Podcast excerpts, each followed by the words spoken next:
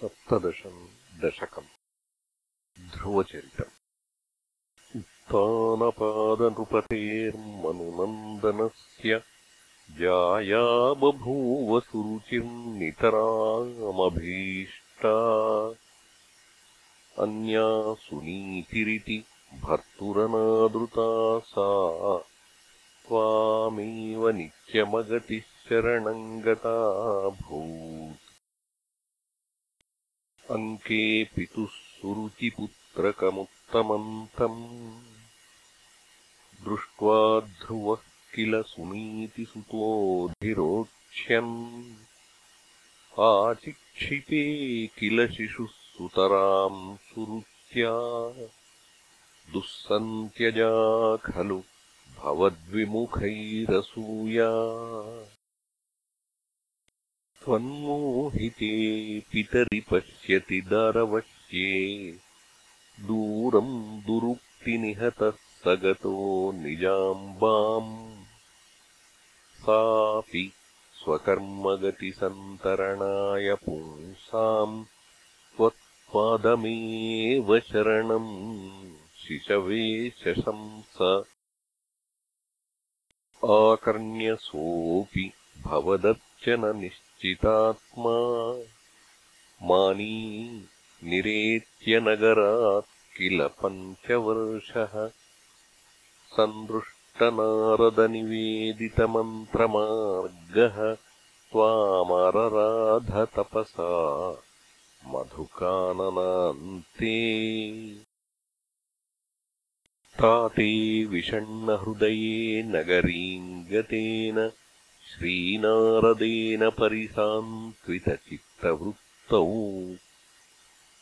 बालस्त्वदर्पितमनाः क्रमवर्धितेन निन्ये कठोरतपसा किल पञ्चमासान् तावत्तपोबलनिरुच्छ्वसिते दिगन्ते देवार्थितस्त्वमुदयत्करुणार्द्रचेताः त्वद्रूपचिद्रसनिलीनमतेः पुरस्तात् आविर्बभूविथ विभो गरुडाधिरूढः। त्वद्दर्शनप्रमदभारतरङ्गितम् तम् दृग्भ्यान्निमग्नमिव रूपरसायने ते। तुष्टूषमाणमवगम्य कपोलदेशे संस्पृष्टवानसि दरेण तथादरेण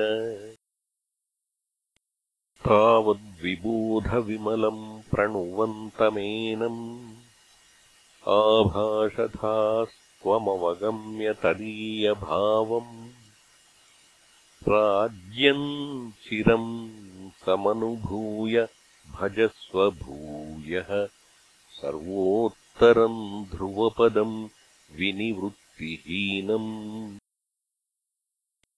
इत्यूचुषि त्वयि गते नृपनन्दनोऽसौ आनन्दिताखिलजनो नगरीमुपेतः। प्रेमे चिरम् भवदनुग्रहपूर्णकामः। ताते गते च वनमादृतराज्यभारः यक्षेण देव निहते पुनरुत्तमेऽस्मिन्। यक्षैः युद्धनिरतो विरतो मनूत्या। शान्त्या प्रसन्नहृदयात् धनदादुपेतात् त्वद्भक्तिमेव सुदृढामवृणोन्महात्मा अन्ते भवत्पुरुषनीतविमानयातो मात्रा समम् ध्रुवपदे मुदितोऽयमास्ते एवम् स्वभृत्यजनपालनलोलधीस्त्वम् वातालयाधिप निरुन्धिममामयौघान्